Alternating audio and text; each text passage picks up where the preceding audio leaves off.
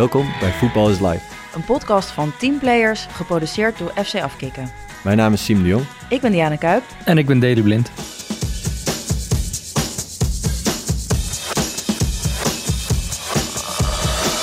Toen na vijf minuten dan haalde hij me gelijk weer eruit. Weet ik nog dat ik gewoon moest huilen op de bank. Die ouders eh, waren zo boos omdat ze hem altijd eigenlijk hadden gezegd: je gaat het halen. En ze hielpen hem heel erg. En die hebben hem gewoon uit huis gegooid op dat moment. Heel creepy, die ouders die hun droom projecteren op hun kind.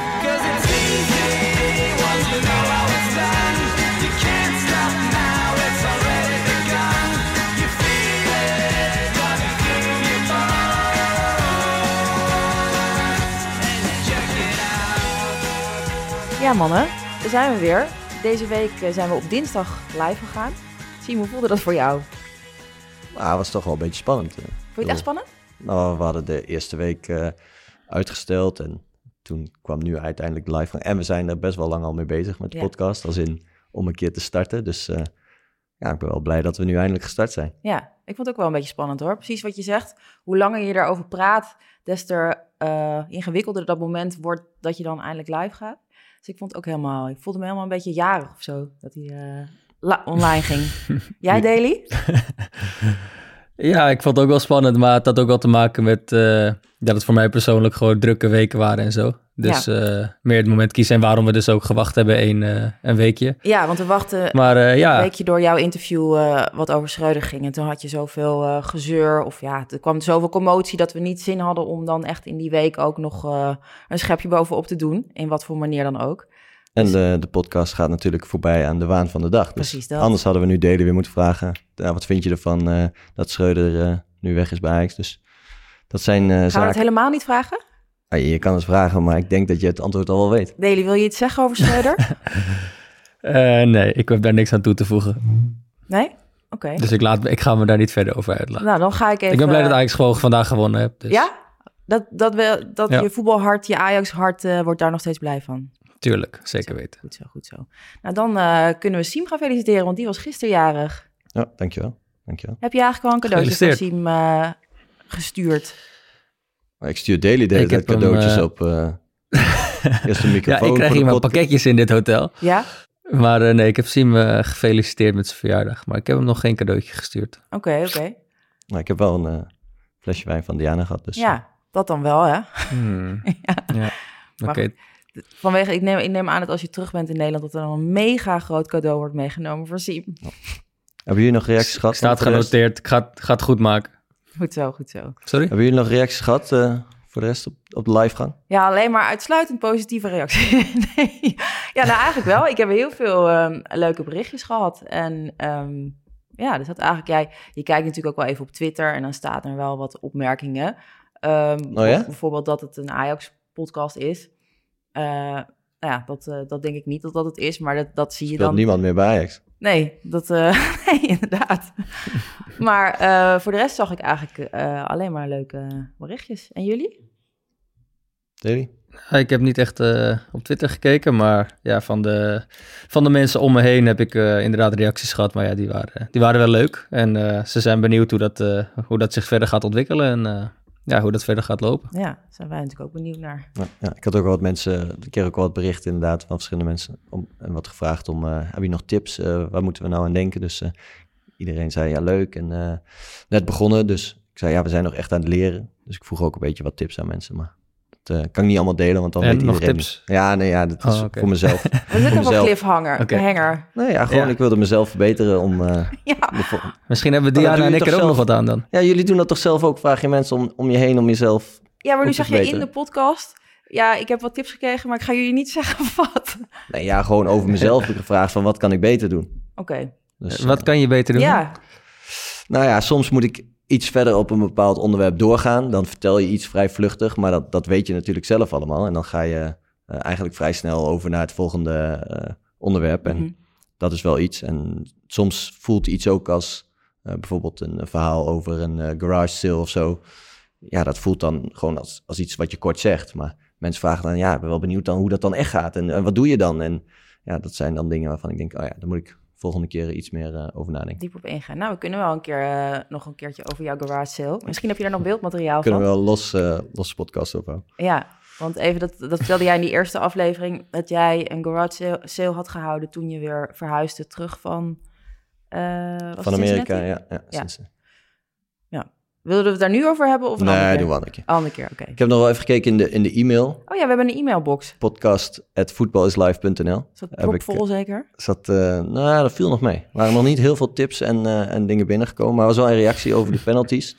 Ehm, jij vroeg ons, wat is eh, dan jullie eh, spannendste moment qua penalties? En toen zei ik, de Europa League wedstrijd, dat we in zo'n penalty-serie... eh, toen scoorde ik hem, maar ik heb ook wel een hele spannende keer gemist. Ehm, dat was toen ik 12 was volgens mij. Moesten we een voorwedstrijd spelen in de Kuip met de Graafschap.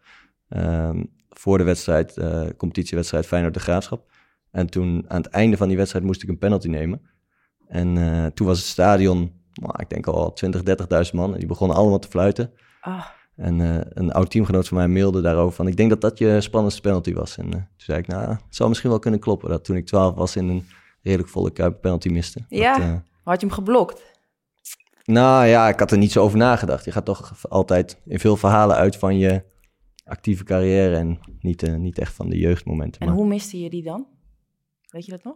ja, ik weet nog wel dat Maar ik... hem- 12, 12 jaar en eh, een fluitende kuip, 30.000 Oh, man. man, dat lijkt me best wel impact. Ja, Ja, daarom, dat was het ook wel. Toch? Ja, nee, ja, we speelden die wedstrijd best wel oké. We hadden 2-2 gespeeld ehm, tegen Feyenoord, dus eh, met de Graafschap. Dat was wel, het was een leuke wedstrijd. En ja, zo'n moment, dat, daar baal je dan toch van. maar hoe miste je hem? Schoot je over? Nee, ik schoot hem ja, links in de hoek en we waren nog klein. En, ja, de- de- best wel een grote goal. Die keeper die rende echt die hoek in. Maar ja, ik keek niet naar de keeper en ik schoot hem diezelfde hoek in. Ah, En hij tikte hem er rennend eigenlijk uit. Niet, niet zeg maar duikend of... eh, ja, hij had hem goed.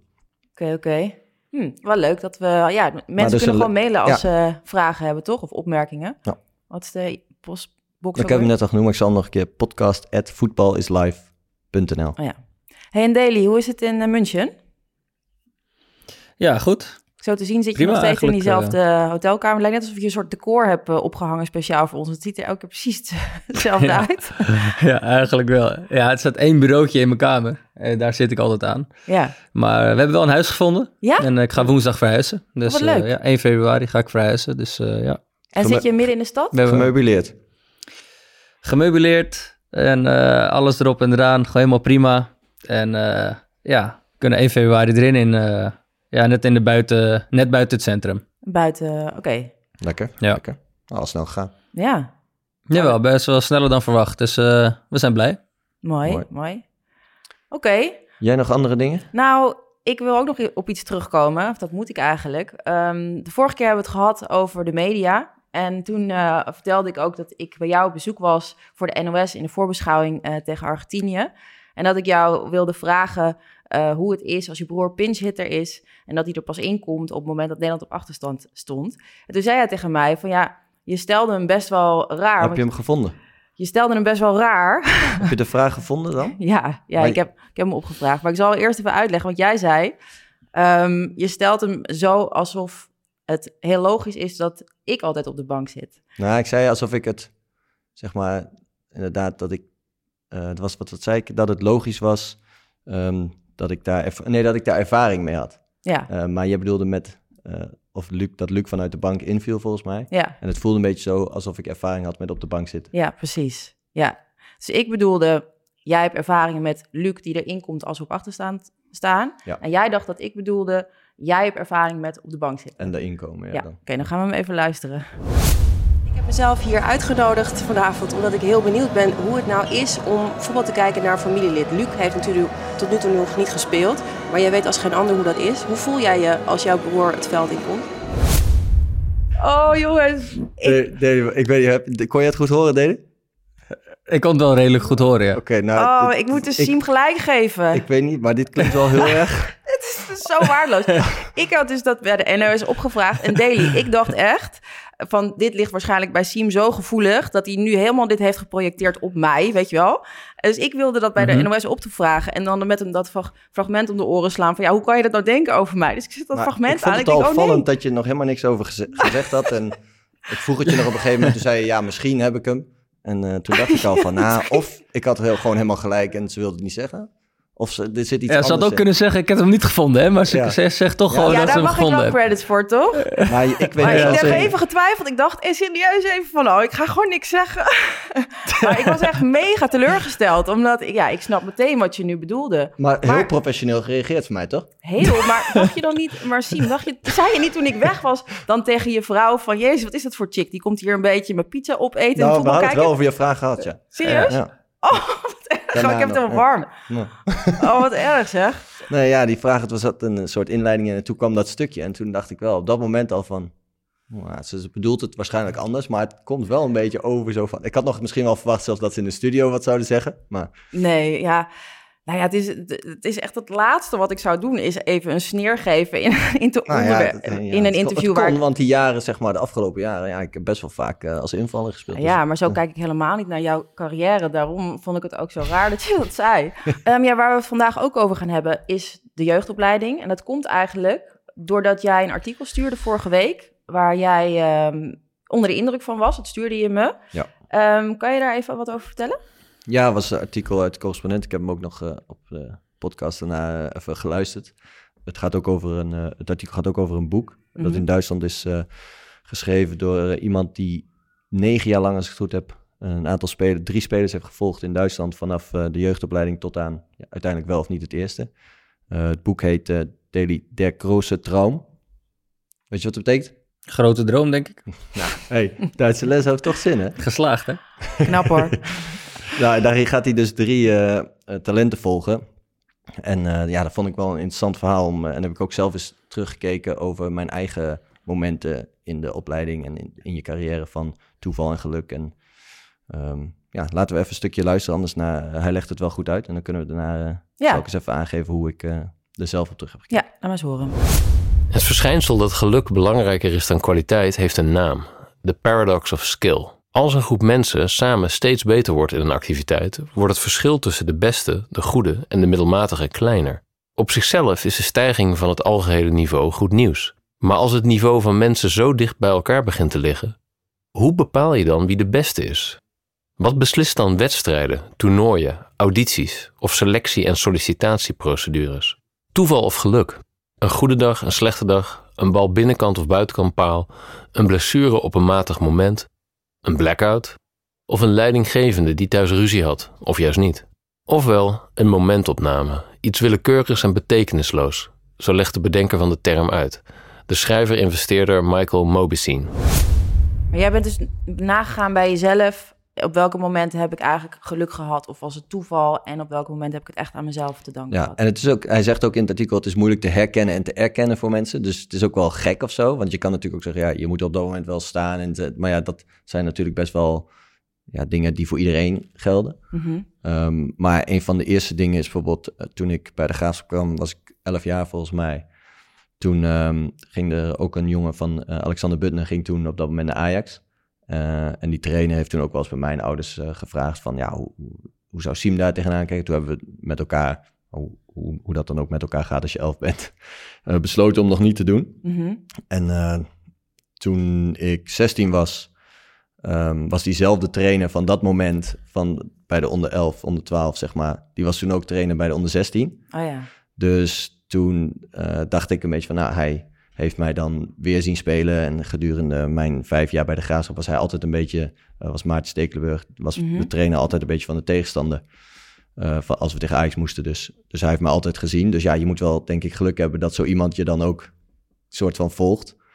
Ehm, maar toen vroeg ik dat thuis. Toen zei mijn vader, ja, ik heb toen wel bij een toernooi, toen jullie tegen Ajax speelden, heb ik hem nog een keer gevraagd van, ja, hoe zit het nou eigenlijk met, eh, met die stap naar Ajax, waar we het toen wel eens over gehad hebben. En toen zei hij van, nou ja, ja, ja zal eens even kijken eh, hoe dat nu zit. En dan, ja, als hij dat niet had gevraagd, misschien was het dan helemaal niet Ja. eh, in- in gang gezet, zoiets. En eh, ook op het moment uiteindelijk dat het gebeurde, heb ik op een gegeven moment, ehm, eh, kwamen de onderhandelingen tussen Ajax en de Graafschap. En toen ging het over nog, je moest per, per opleidingsjaar moest je een bedrag betalen. Mhm. En dat bedrag waren ze niet helemaal over eens, als in de een wilde het in één keer en de ander wilde het in fases. En toen eh, hebben mijn ouders eigenlijk garant gestaan voor dat bedrag als het zeg maar niet betaald zou worden eh, bij, de ene, bij de graafschap. Dus ja, ik, je hebt dan ook het geluk dat je ouders hebt die dat Ja, kunnen. En Ja. dat is dan ja, ook weer geluk misschien sowieso qua geboren zijn. Maar het zijn wel momenten waarbij je wel door omstandigheden het uiteindelijk die stap kan maken. ja. En ehm, ja, dat zijn in het begin van mijn carrière een beetje van die momenten waar je dan naar kijkt. Mhm. En ehm, zo ga je dan door de jeugdopleiding. En dan verder kom je uiteindelijk bij, ehm, bij het moment dat je dan debuteert.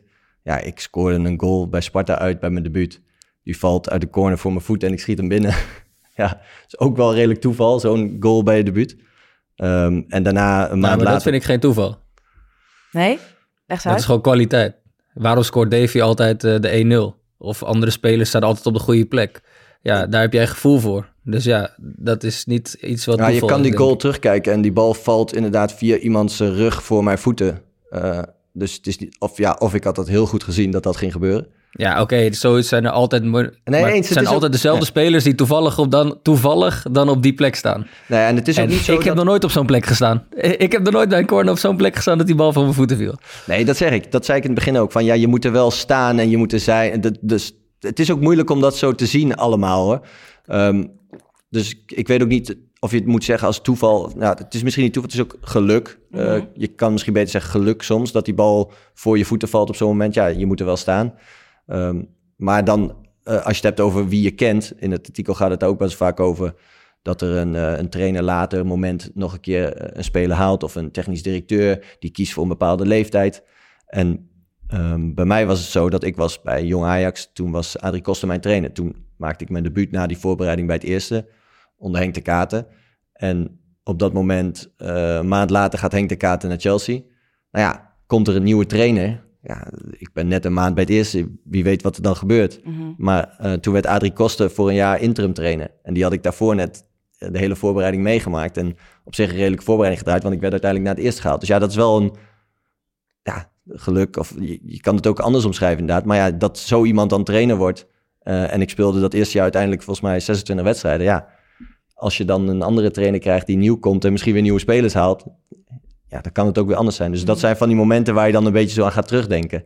ehm, gedurende je, eh, je opleiding en je, en je- doorbraak, Ja. zeg maar. Deli, hoe zie jij dit? Want ik zag je net al een paar keer fronsen. Jij kijkt volgens mij op een andere manier naar geluk. Of ja, vind je dat het niet bestaat? Of dat het altijd, dat je het afdwingt? Ehm, nee, ik geloof zeker wat Siem zegt. Zeker over toen hij jong was. Dat er, ja, met bijvoorbeeld dat met zijn ouders. Ja, dat is inderdaad ook iets wat je dan, ja, gelukkig bent dat je, dat, dat je ouders dat kunnen. Maar, ehm, ja, bijvoorbeeld over net over de, dat hij die goal maakt. Ja, dat vind ik geen toeval. Want Siem heeft in zijn carrière 100 van die goals gemaakt. Of misschien 100 een beetje veel. Oh, je- Maar oh, genoeg wel van die goals 100 gemaakt dat Oh, hij op de- van die goals, ja. Van die goals. Maar dat die, dat die toevallig op de juiste plek staat. En dat zijn vaak de juiste spelers die precies eh, op bepaalde belangrijke momenten op bepaalde plekken staan waar ze belangrijk kunnen zijn voor het elftal. En eh, ik ben het meer met Siem eens eh, over de dingen die buiten het veld soms gebeuren. Dat ja, een trainer heeft invloed over of je misschien wel of niet de kans krijgt. De ene trainer ziet het wel je zitten, de ander niet. Ehm, dus dat heeft eh, zeker wel ook invloed, kan zeker invloed hebben op een carrière. Ja, op het verloop van je Ehm, carrière. Kijk maar naar jezelf. Of het verloop van je carrière. Ja, precies. Op het verloop van je carrière. Eh, maar ik geloof er ook wel in dat. Ja, als jij misschien niet bij de ene trainer past. eh, dat je dan ook via een andere weg. Ja, uiteindelijk je kwaliteiten wel boven komen drijven als je die hebt. En dat het niet alleen maar afhankelijk is van eh, eh, je carrièrepad wel. Maar of je uiteindelijk het profvoetbal gaat halen, dat niet, denk ik. Ja, voor mij, die hele jeugdopleiding, ik vind dat dus iets heel bizars. Sinds ik die documentaire heb gezien, Voetbaldroom, hebben jullie toevallig ook gezien? Ja, stukjes, ja. Het is een vierdelige documentaire gemaakt door eh, Niels Tesselaar. En hij is een jongen die bij Vitesse heeft gezeten in de jeugd. Op zijn tiende werd hij gescout. En tot zijn vijftiende heeft hij daar eigenlijk ehm, alles voor gedaan. Eh werd 's morgens om zeven uur opgehaald, s'avonds om acht uur, s'avonds weer gedropt. En, ehm, en na vijf jaar op zijn vijftiende werd hij gebeld. En toen zei ze, ja, ja we zien het toch niet in je. En eh, daar is hij eigenlijk zo gewond door geraakt, eigenlijk getraumatiseerd. Hij voelde zich zo'n mislukkeling dat hij daar heel lang dus mee heeft geworsteld. En ehm, deze documentaire is ook eigenlijk een beetje zijn verwerkingsproces. En ze volgen dus dan bijvoorbeeld een groep eh, jongens eh, bij Sparta, maar ook bij de Alphense Boys. En wat je daar dus heel duidelijk, wat daarin naar voren komt, is dat er wordt natuurlijk heel vaak gezegd van ja, als jij maar gewoon alles geeft, dan kan je worden wat je wil. Ehm, maar dat is dus best wel schadelijk om te zeggen, want het is niet waar. Dat komt een beetje uit die Ja, documentaire. je ziet ook wel vaak dat jongens dus uiteindelijk alles geven om het te worden, maar bijvoorbeeld school laten gaan. Ehm, en dat was ook, in dit, was ook een van die voorbeelden uit het boek. Die eh, eh, ging op een gegeven moment ook alles inzetten op profvoetballer worden. En uiteindelijk werd hij het niet, maar die had bijvoorbeeld school ook een beetje verwaarloosd. Mhm. En ja, dat zie je natuurlijk ook wel weer vaak. Ja. Ja, maar hier ging het dus echt over het psychische effect. Ehm, dat je dus tegen iemand zegt van ja, jij kan dit halen als je alles geeft. En die, die doet dat dan. In dit geval dus de maker heeft dat vijf jaar lang gedaan.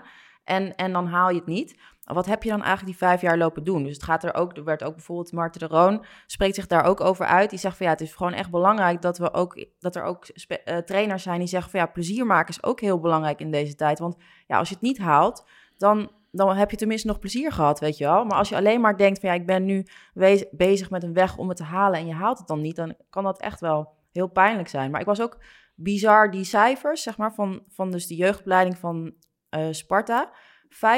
5% haalt daar überhaupt het eerste.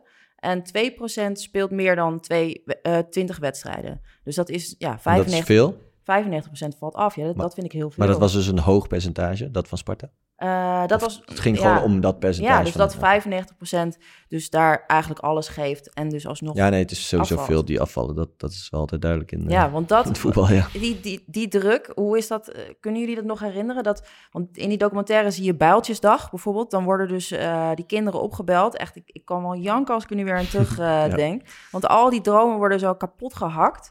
Maar he- herinner je Nou je Bijltjesdag? Het was bij, eh, volgens mij aan het eind van het Ajax, aan het eind van het Ajax-jaar dat je Vaantjesdag of zo, toch? Ja, en, eh, in de jeugd.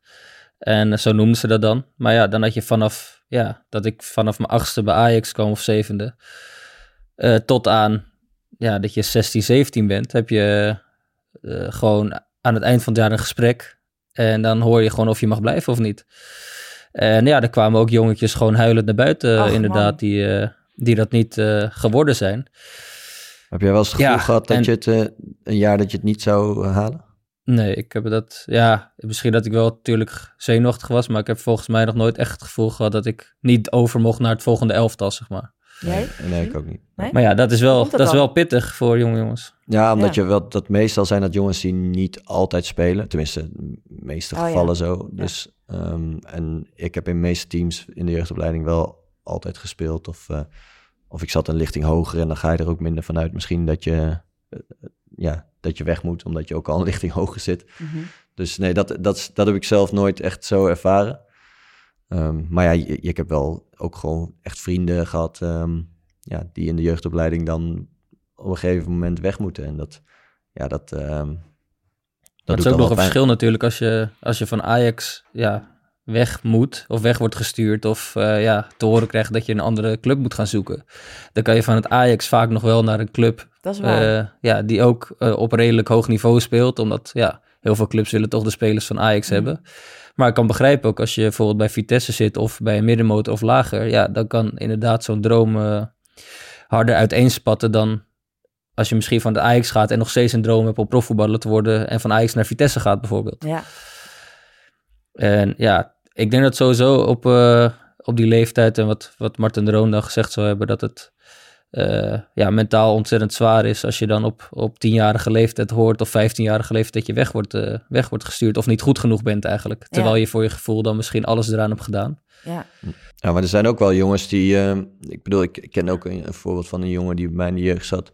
En die ben ik later nog tegengekomen. En die zei, eh, die had iets opgericht, eh, sociaal-maatschappelijks in, in Arnhem. En die zei, ja, ik heb dus dit gedaan ook vanwege heel veel wat ik geleerd heb in de, in de zeg maar, jeugdopleiding. En in het eh, spelen in de jeugd bij de graafschap. En vanuit daar, zegt hij, neemt hij heel veel mee, ook richting nu jongeren helpen.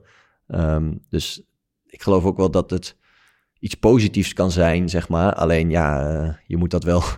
Dat kan wel even een tijdje overheen gaan voordat je dat eh, inderdaad op een positieve manier gaat gebruiken. En ik heb ook vrienden die uiteindelijk jeugdtrainer zijn geworden, die zelf zijn afgevallen in de jeugd. Ja. Ehm, dus ja, eh, het- is zeker pijnlijk op dat moment. En ja, De oproep van die documentaire was dus ehm, om het voor trainers anders in te kleden. Dus niet meer te zeggen van ja, als jij net zo hard traint als Cristiano Ronaldo, dan kan je Cristiano Ronaldo horen, worden. En dat dat eigenlijk dus het meest schadelijke is. Want eh, herinneren jullie je trainers die ja, iets ehm, hebben gezegd wat, wat je no nooit meer bent vergeten of wat je altijd is bijgebleven? Uh, nou, niet iets per se gezegd, maar ik kan me wel een keer herinneren dat, uh, wat zal ik toen zijn? Ik was volgens mij 12 of 13 of zo. En toen was er één wedstrijd, was ik wissel. En toen kwam ik, e-, kwam ik erin. En toen na vijf minuten had ik twee, drie foute ballen gespeeld. En toen haalde hij me gelijk weer eruit. En toen uh, weet ik nog dat ik gewoon moest huilen op de bank. En dat ik echt dacht van, ja, oké, wat is dit eigenlijk? Hoe oud was je toen? Uh, volgens mij 12 of zo. Vind ik wel hard op die en, uh, en 12 of 13. En toen, toen daarna ja, weet ik niet. Ik weet, ik weet niet meer. Daarna volgende wedstrijden speelde ik wel gewoon weer. Maar die dag, die wedstrijd, die dag zal ik nooit vergeten.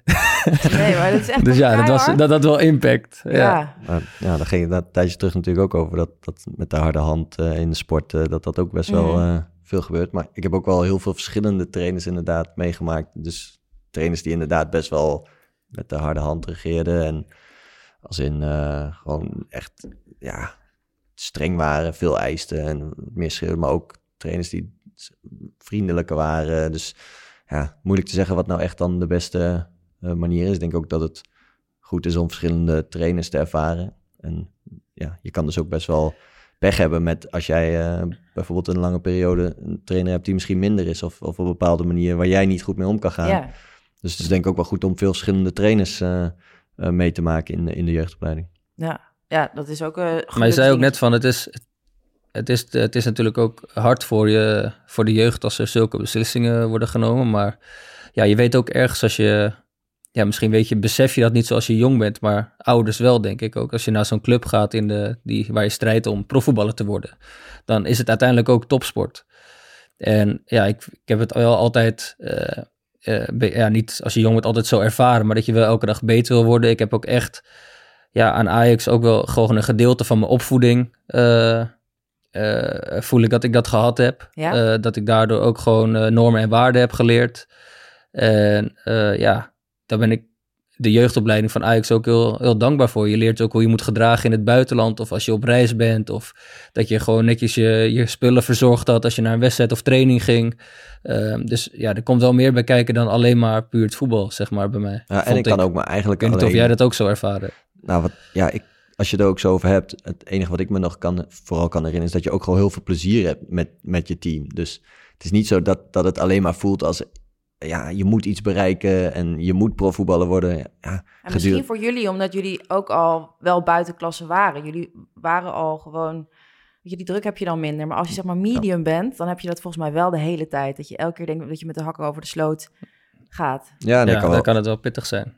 Ja, dat is ook zo. Misschien dat voor ons anders voelde, omdat je, waar we het net over hadden, ook nooit echt het gevoel hebt gehad dat je weg moest. En ik was inderdaad 18 toen ik debuteerde bij Ajax. Dus ja, uiteindelijk de weg die je dan bewandelt is een weg zonder heel veel echt tegenslagen op dat moment. Qua weg moeten bij een club of zo. Dus ja, ja. dat is denk ik misschien wel een verschil. Um, maar ja, ook hoe ik omging met andere spelers en ja, ook wel, uh, ook wel het moment dat je net bij het eerste elftal komt en doorbreekt. Veel jongens, zoals bijvoorbeeld Daly en uh, nog wel andere jongens van die tijd, spreek ik misschien meer dan spelers die ik later heb ontmoet. Ja? Omdat je ook toch wel een soort van met elkaar bent opgegroeid, ja. Ja, want hoe lang kennen jullie elkaar eigenlijk? Weet je nog het eerste moment dat jullie elkaar uh, ontmoeten? Volgens mij deed Siem uh, deed een toernooi in uh, Zaandam met ons mee toen.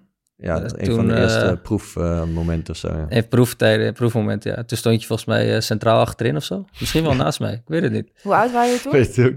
Ik weet wel dat ik centraal achterin heb gespeeld, ja, een paar keer in het begin. Vier een beetje. Hoe oud Ja, vier, volgens mij stonden we... Ja, 16, hoe oud was je toen ik. in Ajax? Ik was 16, denk jij ja. 15. Ja. En wat dacht Ja, je ik toen? weet het nog wel, die wedstrijden. Wat dacht je toen van Ik eh, dacht, van eh, hij, is, hij, hij is groot. Hij was wel groot en snel en sterk. Ja, ik hij was, veel altijd sterker klein, dan, want eh, ik zat vaak... Ik, toen ik bijvoorbeeld bij de Graafschap wegging, toen zat ik omgerekend bij onder 18... speelde ik mee onder 18, 19 een beetje. Eh, en toen ging ik dus weer terug naar onder 16 bij Ajax. Dus toen was ik ineens groot. Ik was Oh. altijd gewend klein te zijn. Oh ja, ja. dus jij was Ja, was de fysiek. Ik was, ja, Toen ik voor was het eerst, gewoon ja. eh, klein. Maar ik was pas op hele late leeftijd ging ik een beetje, een beetje groeien. Dus ik was heel lang gewoon, eh, gewoon klein. Dus ja, hij viel wel gelijk op door zijn fysiek ook. En Dus je bent volgens mij schoot hij van, eh, veer- nou, ja, hij schoot van 40 meter al over de keeper en zo, weet je. Dus, was onder 16. Dus ja. we waren al gewoon eh, bijna volwassen. ja. Nee, nee. En Nee. Maar dat weet ik nog wel, Konden jullie meteen ook goed met elkaar opschieten? Of hoe? Want jullie zijn best wel goede vrienden geworden. Hoe, is, hoe ging dat eigenlijk? Ja, we hebben toen wel eh, redelijk wat met elkaar gespeeld. Volgens mij eerst eh, toen ik kwam niet altijd. Ja, volgens mij werd jij doorgeschoven toen in de B1 hebben we wel een tijd samen gespeeld. Ja, B1 heette dat nog toen. Allemaal, heet nu allemaal anders. Maar ja. eh, toen daarna, volgens mij ging ik een jaar... En toen ging ik een jaar door naar de, naar de A1. En hebben we ook nog wel wat samen gespeeld. En ja, daarna ging ik naar het eerste. En toen kwam jij, denk ik, wat was het? Bij Frank de Boer pas in de Oh, winter. jij kwam, ja, want ik, heb, ik debuteerde in 2007. Ehm, dus en een aantal jaar, te- aantal jaar later kwam jij dan eh, erbij. En ja, toen hadden we best wel een goede groep eh, jonge jongens die doorbraken. En waar we ook wel echt veel eh, mee optrokken. Dus dat was wel echt ehm, leuk in die tijd, ja. Ja. En dus een eh, vriendschap voor live. En een podcast. En uiteindelijk podcast. En een podcast erover gaan. Ja, ik vond, ja, misschien komt het omdat we altijd door mochten in de opleiding of zo. Maar ja, ik heb dus die ja, opleiding heel anders ervaren inderdaad als, als, als andere zo'n speler die dat niet had. Dat is ook logisch natuurlijk. Maar ja, ik heb het juist echt als een, als een toptijd ervaren, zeg maar. Mhm. Ja. En was het dan voor jou, want jij had dan Luc ook nog, die hetzelfde traject doorliep. Hadden jullie een soort competitie eh, samen? Nou, nee, we hebben wel af en toe wat samengespeeld. Maar wat ik zei bij de Graafschap, ik, ging ik af en toe een lichting hoger. En hij was net één jaar onder mij, dus we hebben wel af en toe met elkaar samengespeeld. Maar wat wij vooral deden, was eh, samen voetballen naast eh, de Graafschap. En met z'n tweeën heel veel eh, ja, zelf op grasveldjes gevoetbald. Oh ja, Dus, dus hebben elkaar sterker gemaakt. ja, en dat was wel altijd echt competitie, want dat was wel bijna altijd... Ja, liep altijd, dood. ja, liep altijd slecht af eigenlijk. Ja. Samen spelen. Maar we hebben wel daardoor heel veel eh, extra samen gevoetbald, ja. Dus eh, ik denk dat we daaraan, of daarin wel heel veel aan elkaar hebben gehad. Mhm. En uiteindelijk ging hij dan eh, in een soort, ja, heeft hij een andere weg bewandeld, een beetje via, uiteindelijk ook het eerste bij de Graafschap. En toen naar Twente, dus hij heeft daar wel nog zijn debuut gemaakt. En ik heb pas op echt late leeftijd mijn debuut daar bij de Graafschap gemaakt. Ja. Ja, want Daily, als jouw zoon of dochter eh, zegt, ja, ik wil graag profvoetballer worden, is het dan meteen iets wat je zegt, oh leuk? Of denk je dan van, nou, ik zou je liever ehm, dit misschien een beetje besparen? Ja, misschien dat laatste eerst. Ja? Ja, ja want ik vind uiteindelijk... ehm, ja, om te beginnen zijn we allebei... al- begin je met voetbal omdat je het leuk vindt. En in het begin is dat ook zo en eh, heb je er plezier in. Maar ja, vanaf je, ik denk 16, ja, 15, 16, 17... Ja, dan merk je dat het serieus gaat worden. En dat je het misschien wel erin zit dat je het eerste elftal gaat, gaat halen... of dat die mogelijkheid er is. En ja, dan is het eh, de factor plezier wordt, wordt, is er nog steeds. Maar ja, er wordt ook minder groot soms als er veel druk bij komt kijken. Eh, er wordt veel meer van je verwacht. De, de druk van wedstrijden wordt hoger. En ja, dat is, eh, dat is moeilijk soms. En zeker als je het eerste elftal eh, eh, ja, eenmaal bereikt hebt. En eh, als je eh, profvoetballer bent geworden, dan zijn er gewoon fases in je carrière. Oh, is Hey, druk? Die Komt, iedereen, iedereen komt binnen bij komt hij binnen. Hij hoorde het, hij hoorde Ja. het. Ah, ja, ja, ja. Vraag het Maar er, er, zijn, ja. ja, maar er is zijn fases in je carrière. Hij is drie. Oh ja, Eh, stel hem maar Ja. die vraag.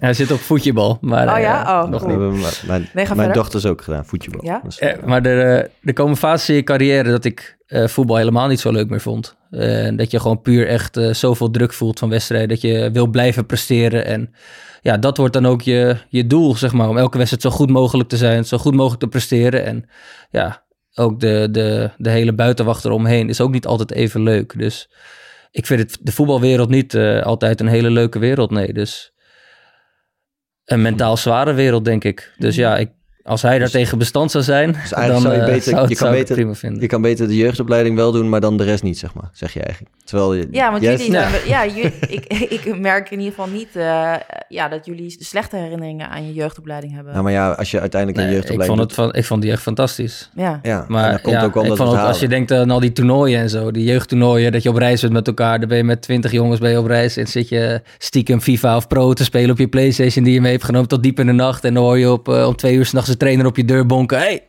Ja? En dat je dan snel stiekem in je bed duikt, weet je wel. ja. Dat zijn allemaal mooie herinneringen, ja. Ja, maar het klopt misschien omdat wij dan uiteindelijk wel profvoetballer zijn geworden, is het dan misschien allemaal nog Gekleurd. Maar ik, wat, dat is wat ik zeg. Het voelde wel allemaal als een hele leuke tijd en qua plezier. Maar ja, als je inderdaad zo'n documentaire ziet over de, de druk, ook bij zo'n opleiding het uiteindelijk niet halen. Ja, ik kan me voorstellen dat dat uiteindelijk wel ehm, ja, zwaar weegt. Want het is iets wat je altijd droomt om te doen. Ja. En dan uiteindelijk krijg je te horen dat je het niet mag doen. Wat hebben jullie eigenlijk voor school? Hoe, hoe ging het dan met school? Ja, hoe ging dat? Ja, we vroeger werd je gewoon opgehaald van, eh, van huis, werd je naar school gebracht. En eh, ja, rond zeven uur, half acht. En dan had je gewoon een normale schooldag tot een uur of twee. Half twee, twee uur werd je dan weer opgehaald met een busje, waardoor je naar de club werd gebracht. En eh, nou, dan had je eerst lunch eh, of eten en dan ging je trainen. En dan had je daarna studeren. En dat je soms dan nog trainen. En ja, daarna werd je weer met het busje naar huis gebracht. En dan was je eigenlijk, eh, dat was je dag. En dan eh, de volgende dag weer. Best pittig, toch? Ja, eh, ja zeker. We hadden Ja. dus wel school ook op, op de club nog. Dus je moest daar nog studie doen. En dan, eh, Want jullie moesten dus die, mes, die lessen die jullie misten, moesten jullie compenseren. ja, een beetje. Het was meer gewoon helpen met eh, als je moeite had met bepaalde dingen. En ik had het geluk dat ik, eh, toen ik naar Ajax ging, moest ik nog twee jaar van mijn VWO. Maar ik ben in Doetinchem blijven wonen en met de trein op en neer gegaan. Dus ehm, op dat moment ehm, moest ik eh, anderhalf uur reizen heen, anderhalf uur terug elke dag. Alleen ik mocht de studie vaak overslaan eh, bij, eh, bij Ajax. Dus dan mocht ik al weg. En dan moest de rest nog studie doen. Dat is wel relaxed. En ik heb uiteindelijk wel mijn VWO afgerond. Dus het was ook zo dat als je inderdaad dan wel normale cijfers haalt, dan was dat mogelijk. Maar anders gingen Maar ze dat wel. is best exceptioneel, toch? Dat je je VWO eh, afrondt. Zijn- Ja, ik vind, ja, ook wel eens gelezen dat best wel wat, eh, volgens mij ook zeker bij dat Duitse team, op een gegeven moment waren best wel jongens die VWO hadden afgerond. Dus ehm, Ja?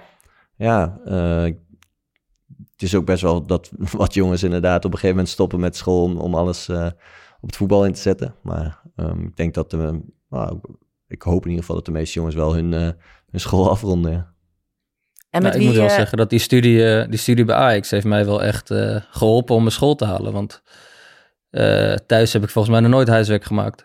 Dus dat was Nee? echt eh, voor mij... Dat, ja, ik was blij dat ik juist dat bij Ajax kon doen. Want ja, je werd gewoon een uur, een uur en een kwartier was het volgens mij, werd je gewoon neergezet. Je had leraren die van alles, ja, de Nederlands leraar lopen. Van, van elk vak liep er wel bij één team eentje rond. Dus als je echt wat nodig had, dan konden ze je helpen. En ja, ik dacht vaak, ja, als ik daar toch ben, kan ik beter mijn huiswerk maken. Want ja, de moment dat ik thuis was, deed ik dat niet. En dan was je eigenlijk, ja, of je ging buiten voetballen, of eh, ja, je ging een keer wel achter je Playstation zitten. Maar ja, ik ben in ieder geval blij dat, eh, dat Ajax dat wel aanbood, zeg maar. En eh, het waren soms wel lange dagen, dat, dat zeker. Dus het was wel vier keer in de week gewoon, gewoon pittig. Maar ja, uiteindelijk, ja, naarmate je ook ouder wordt we- en het komt dichterbij, weet je ook waarvoor je het uiteindelijk gedaan hebt, ja. Dus ik ben wel blij dat, ik, eh, dat het er was en dat ik op die manier me met hulp naar mijn school kon afronden ook daardoor, ja. ja. Ja. dat is misschien ook wel een voordeel misschien. Ik weet niet of dat bij elke club zo was in de jeugdopleiding natuurlijk. Want, ehm, bij de Graafschap Nee. in de jaren daarvoor had ik dat niet. Nou, en plus in deze, in jullie tijd was het alweer, alweer wat beter. Maar ehm, vroeger, zeg maar, Nou, vroeger, wij zijn redelijk oud al. Nou ja, oké, maar oké.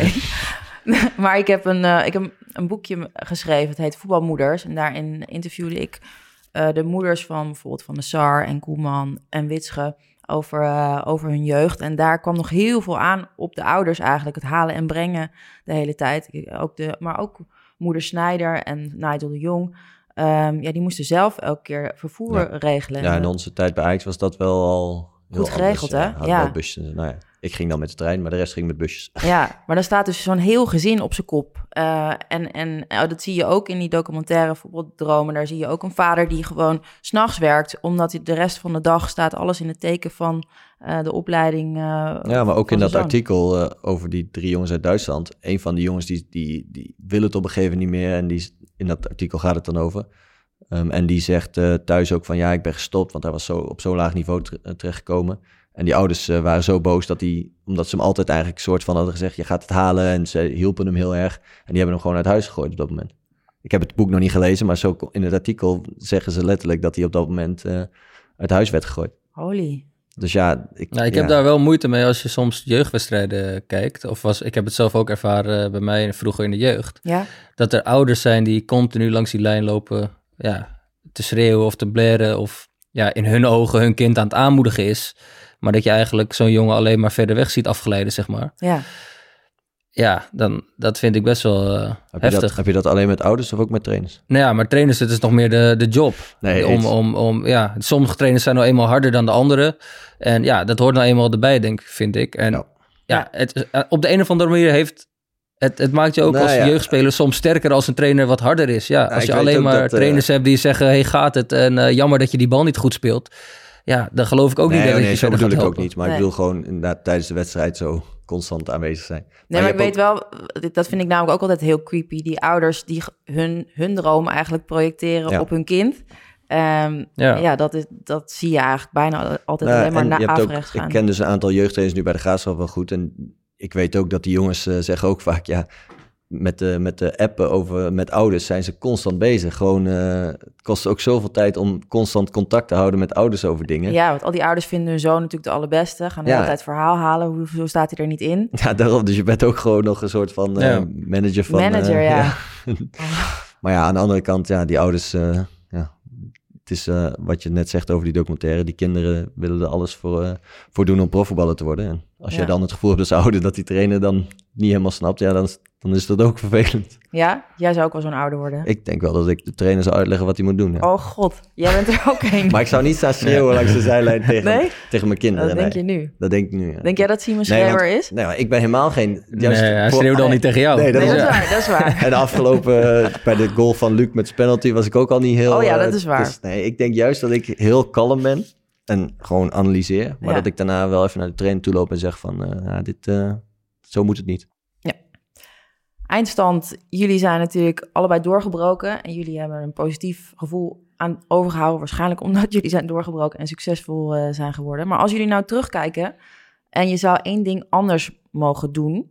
eh, aan de opleiding of misschien aan hoe je het zelf hebt gedaan... wat zou dat dan zijn, Daily? Ehm, ja, dat zijn eigenlijk twee dingen die een beetje binnenschieten. Mhm. En ze eerst, ja, misschien had ik wel ja, vanaf mijn 17 of wanneer het echt serieuzer werd, wat meer in mijn fysiek kunnen stoppen. Meer wat, de kracht meer, om. wat, meer, wat meer het krachtonk misschien eh, Iets eh, die kant op. Ja, niet breder, maar ja, gewoon wat fysieker. Want ik kwam echt bij het eerste en dan ja, was ik eigenlijk nog wel veel te licht eh, op dat moment misschien. Ehm, en het andere is eigenlijk ehm, ja, dat ik het lastig vind dat je eigenlijk zoals jij en ik, we hebben het gehaald. We hebben het eerste elftal gehaald en we komen daar. En eigenlijk gaat alles heel in de opleiding heel voorspoedig. En je haalt het eerste elftal. En ja, dan pas komen de eerste ja, mentale tegenslagen, zeg maar. En eh, ja, dan is het voor heel veel... Ik had er in het begin ook moeite mee. En dan is voor heel veel spelers denk ik, hoe, hoe ga je daarmee om? Hoe kom Ja. je daar dan overheen? En er zijn maar een x-aantal talenten die, die alleen maar omhoog stijgen... en die, eh, die die stijgende lijn pakken naar de wereldtop. Maar er zijn veel talenten die eigenlijk pas geconfronteerd worden met een mentale tegenslag op, op het hoogste niveau, zeg maar. En Mhm. ik zou ook niet echt goed weten hoe je dat van Dus tevoren leuk, moet leuk- tackelen. Leuk, of, onderwerp, leuk onderwerp voor de volgende keer. Kunnen we wel... eh, Nou, maar ik maar ja, als ik denk aan mijn eigen opleiding, dan denk ik, als ik denk ja, aan mijn eigen opleiding, dan zou ja, dan heb ik in het begin van mijn carrière best wel wat mentale tikken moeten verwerken, waar ik ja, nu achteraf misschien heel veel van geleerd heb eh, nu en wat, wat aan heb, maar Ja, maar ik waar ik op dat moment heel veel moeite mee had. Maar begrijp ik het goed? Eh, want ik zou zeggen dat dat een onderdeel is van de ik weet jeugdopleiding. ook dat niet of heel dat nu zo is in de jeugdopleiding bij Ajax. Maar ik kan me dat in ieder geval ook niet herinneren dat ik mijn... Ja, ik had ook best wel mentaal namelijk een tegenslag. Als in, ik kwam bij Ajax. eh, ik had het prima naar mijn zin op de club. Maar ik ging in een gastgezin. ehm, de eerste maand. Dus ik kwam bij een nieuw gastgezin. Ik moest dan na eh, trainen. S'avonds ging ik daar naartoe. eh, behalve dan de vrije dagen. Dan ging ik wel naar huis. Maar voor de rest was ik de hele week eigenlijk daar. En ik ging naar een nieuwe school. En dat was ook best wel lastig. Dat ik ineens in, eh, wat is 5 VWO, naar een nieuwe school moest. Ja. En eh, dat zat me ook niet, dat ging ook niet echt lekker, want het sloot niet helemaal aan. Ehm, en toen heb ik eigenlijk met mijn studiebegeleider toen een beetje gesproken over van, ik kreeg ook nog Fiverr op dat moment. Ehm, toen heb ik eigenlijk met mijn studiebegeleider gezeten en gesproken over van, ja, ik wil eigenlijk wel terug naar huis gewoon. Ja? Ehm, Had je heim mee? Ja, eigenlijk wel. En ik zei, ik, ik wil heel graag bij Ajax blijven, want de dag één hier op de club zijn, eh, heb ik plezier en voel ik me thuis. Maar de rest eromheen voel ik me absoluut niet thuis. Mhm. En toen ben ik, ehm, ja, ik denk een week later of zo, ben ik eh, terug naar huis gegaan. En heb met de school daar kunnen regelen dat ik weer terug kon. Ehm, dat ik met de trein op en neer zou gaan, eerder weg mocht. Dus ja, uiteindelijk dat allemaal wel gelukkig kunnen regelen. Want ik wilde heel graag bij Ajax blijven. En eh, sinds eh, dat moment eigenlijk gewoon weer eh, volle bak trainen en school en... Ja. Maar ook daar werd er dus alleen maar een oplossing gezocht. Maar er werd niet gewoon. Een ja, die gaf ik zelf eigenlijk aan. Ik zei, ik wil gewoon thuis wonen. En ik had eigenlijk zelf een beetje al de, de school benaderd via met mijn ouders. Ja, of ik terug zou kunnen en toch daar af zou kunnen maken. En mhm. ja, toen heb ik wel met de studiebegeleider eigenlijk daar vooral gesproken daarover. Maar het is niet zo dat je daar inderdaad nou, op dat moment echt mentale steun van krijgt steun gesprekken. nee, nou, dat is heel interessant, want uh, uiteindelijk zeggen ze toch dat uh, maar ik weet dus ook niet hoe dat nu is. Uh, talent is en 50% um, ehm, ja, spirit, zeg maar, hoe je, hoe je in de wedstrijd zit mentaal. Dus het zou echt bizar zijn als je in de jeugdopleiding niet ook gewoon ja, leert hoe je met tegenslagen moet omgaan. En, um... maar dat mentaal is wel leuk om een keer, want ik geloof sowieso dat het misschien nog wel veel meer mentaal uiteindelijk is hoe je presteert dan, in het, dan 50% zelfs. Um, nee, maar ja, we, we, hadden het nu dus uh, over uh, dingen die we anders zouden willen doen. Um, we hebben met elkaar wel eens gehad over een, een rubriekje in de podcast brengen. Ik heb een, uh, een jongen bij ons op de club die wel eens vraagt over dingen uit mijn carrière. En wel meerdere spelers trouwens. Mm -hmm. Dus um, het rubriekje eigenlijk wat we een beetje in gedachten hadden. Misschien is het wel leuk om na dit ja, dit, dit onderwerp om daar verder op in te gaan richting volgende podcast. Maar we hadden als, als titel hadden we een beetje bedacht met elkaar Jong en Blind. Mhm. Waarbij een jong talent... ja, snap je hem?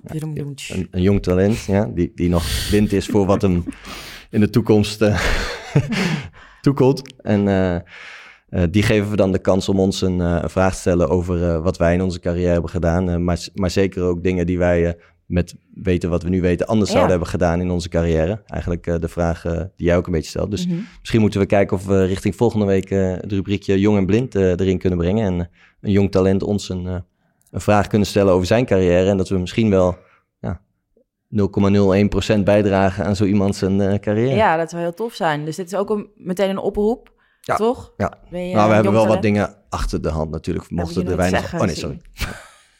We krijgen een hele inbox vol met vragen. Oké, mochten we geen oproepen krijgen, dan hebben we niks achter de hand. Dus laat...